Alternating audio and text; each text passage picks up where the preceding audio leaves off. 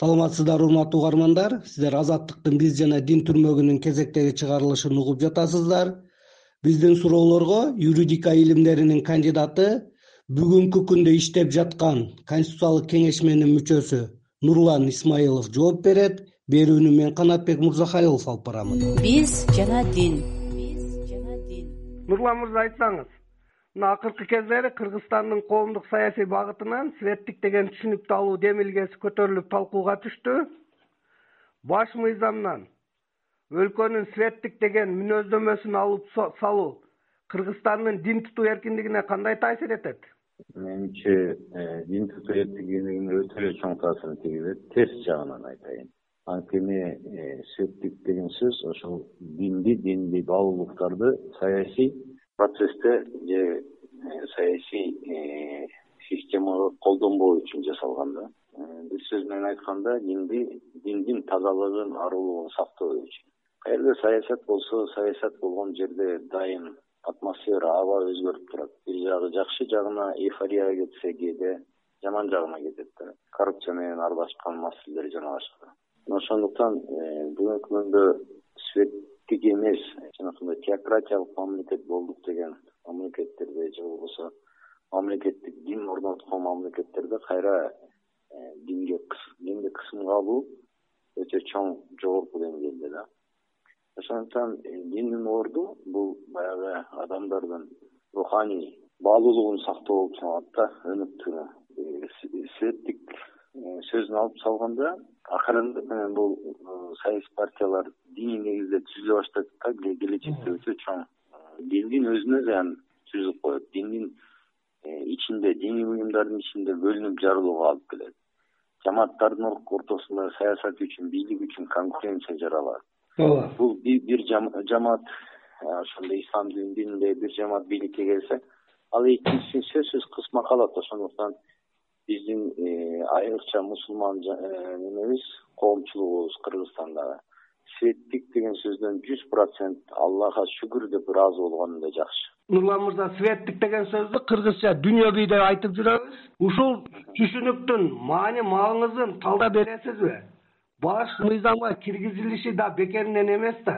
Дүйнө бий деген сөзгө каршымын өзү светтик бул түздөн түз анын маанисин бербейт. Бул эми тилчилердин маселеси мен ага кийлигише албайм. Ал эми светтик деген эмне? Бул динге э, диндин бүт маселелерине үч негизги э, жеке адам өзү динди тандап алып кайсы каалаган дин изилдеп ошону өзүнүн урпактарына балдарына үйрөтүүгө укуктуу да.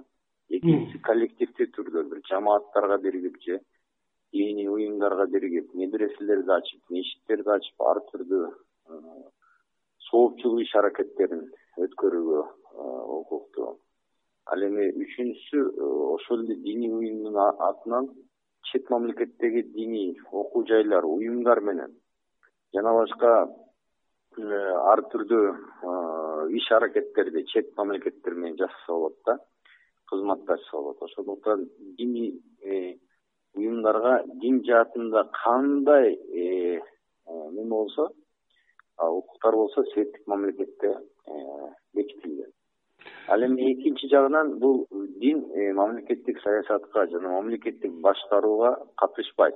Ооба. Эмне үчүн катышпайт. Анткени бүгүнкү демократиялык мамлекеттерде көп идеология бар э, то есть это көп көз карашка көп идеяларга э, жашашына жол берген да. Ал эми диний идеология көпчүлүк учурда бир тараптуу болуп саналат ошондуктан светтик мамлекеттин бирден бир принциби бул баягы э, динди саясатка аралаштырбоо эле болуп саналат ал эми э, үчүнчүсү бул диндер арасында тең укуктуулук жана кызматташтык э, диалог.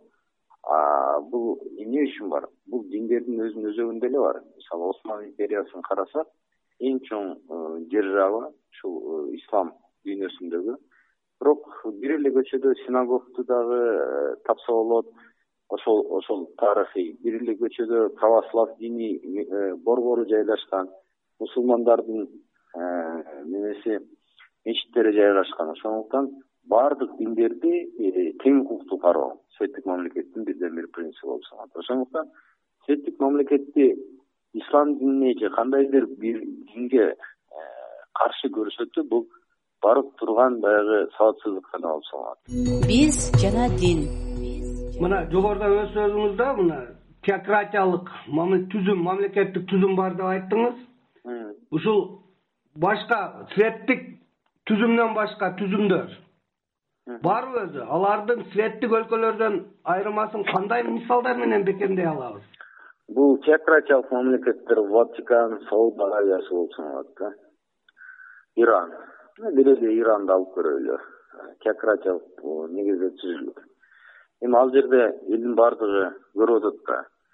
Э, мындай бир мисал да динде зордоо зордоп жоолук салындыруу же болбосо зордук зордук менен дин болобу?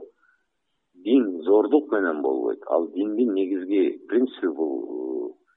Э, эгер жаңылышпасам пайгамбарыбыздын хадиси да.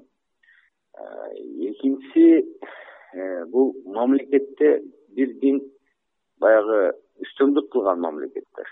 Э, мындай мамлекеттерге бүгүнкү күндө э, кээ бир европа мамлекети да кирет да. Мисалы британия. Бул жерде королева британия. Э, мамлекет башчысын жана церковдун башчысы болуп саналат бирок бул мамлекеттерде ушунчалык деңгээлде баягы диний маселе экинчи планга алынгандыктан факты түрүндө светтик мамлекеттин эле ролун аткарат да. Мына көрүп атпайбызбы жанагы лондондун бүгүнкү күндөгү мэри э, мусулман. мусулман жигит. Өтө көп мусулман депутаттар бар лорддор бар.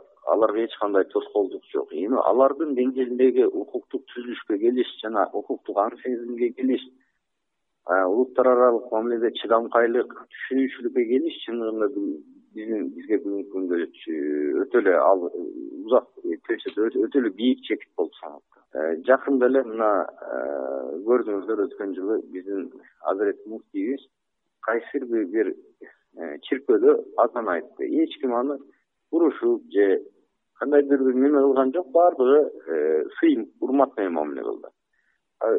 Биздин мечитте ушундай мамиле жасаса эмне болот башка билесиздер да кандай мамиле болот кандай? Ошондуктан кээ бир ушул европа мамлекеттеринде э, мусулмандар аз болгон жерлерде э, христиандар чиркөөлөрүн берет экен мындай фактылар өтө көп. Жума намазын кылып тургула ушул жерде. Пока общественный ачык орун жок болгондуктан депчи ошондуктан кээ бир мамлекеттерде дин расмий түрүндө кабыл алынганы менен ал жерде светтик эле түзүлүш орнотулган. Э, анан үчүнчү режим албетте светтик светтик бул жерде дин саясаттан ажыратылып мен айткандай принциптердин негизинде иш жүргүзүлөт да. Мына ушул сөзүңүзгө улай да. Негизи кыргыз коомуна светтик деген түшүнүктү сиңирүүдө кандай кемчиликтер бар? Мамлекет мамлекет бул түшүнүктү жарандар арасына канчалык жайылтып алууда биринчиден биз э, светтик түзүлүш советтер союзунун конституциясында жазылып ал эми советтер союз динге каршы саясат жүргүзгөндүктөн ошол түшүнүктү алып атышат да. Ал эми э, э, советтер союзу эч качан светтик мамлекет болгон эмес. Советтер союзу атеисттик мамлекет. Түп тамырынан бери атеисттик дегенибиз бул мамлекеттик саясат коомдон динди жат кылып жатташтырып бөлүп бөлүп жок кылууга мамлекеттик саясат багытталган да ал ошо ошол э, түшүнүктө э, дагы деле көпчүлүк ойлошот улуу муундар светтик деген бул атеисттик мамлекет.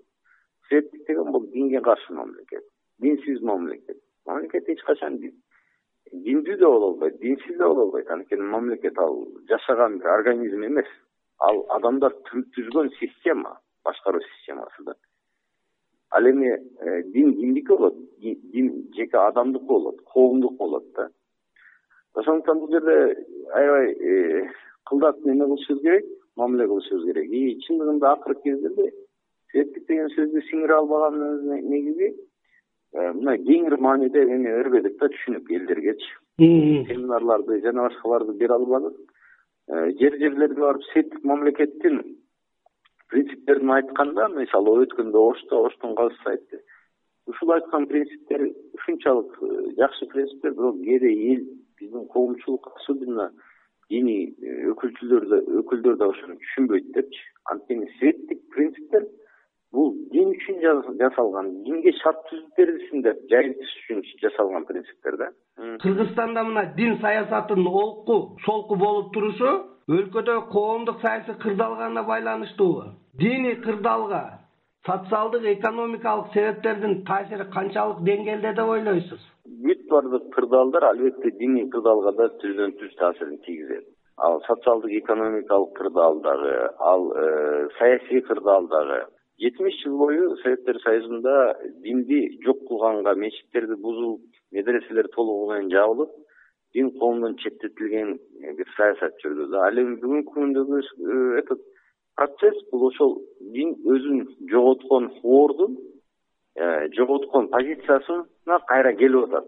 То есть аккан баягы суу өзүнүн угун эч качан өзгөрбөйт дейт да арыкты баш жакка жака бурса да бир күнү сел жүргөндө же э, бир кандай э, окуя этот өзгөрүш болгондо өзүнүн нугуна бурулат. Дин да өзүнүн нугун алат э, коомдогу ролун алат бирок социалдык экономикалык абал факторлор өтө чоң эле таасир тийгизет. Кандай таасир тийгизет?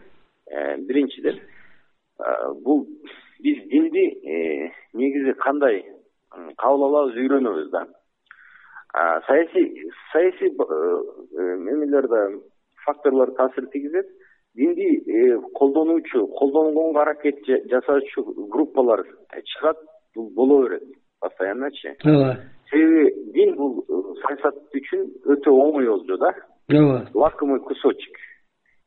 Кичине эле бир мындай эме жасасаң шаг жасасаң чоң баягы пайдасын аласың да. Бул баягы банктар бүгүн пайда алып атпайбы иштебей отуруп процент менен динди саясатта колдонуу дагы ошондой эле чоң баягы э, пайда бере турган бир ресурс. Ошондуктан бул э, диний жааттагы э, стабилдүүлүктүн болбошу бул нормалдуу нерсе. Айрыкча биздин коомчулукта баягы жаш демократиялуу мамлекетте бул нормалдуу нерсе. Биз жана дин. Урматтуу угармандар сиздер азаттыктын биз жана дин түрмөгүнүн кезектеги чыгарылышын уктуңуздар. Бүгүнкү биздин коногубуз юридика илимдеринин кандидаты нурлан исмаилов болду. Берүүнү мен канатбек мырзахалилов алып бардым. Аман туруңуздар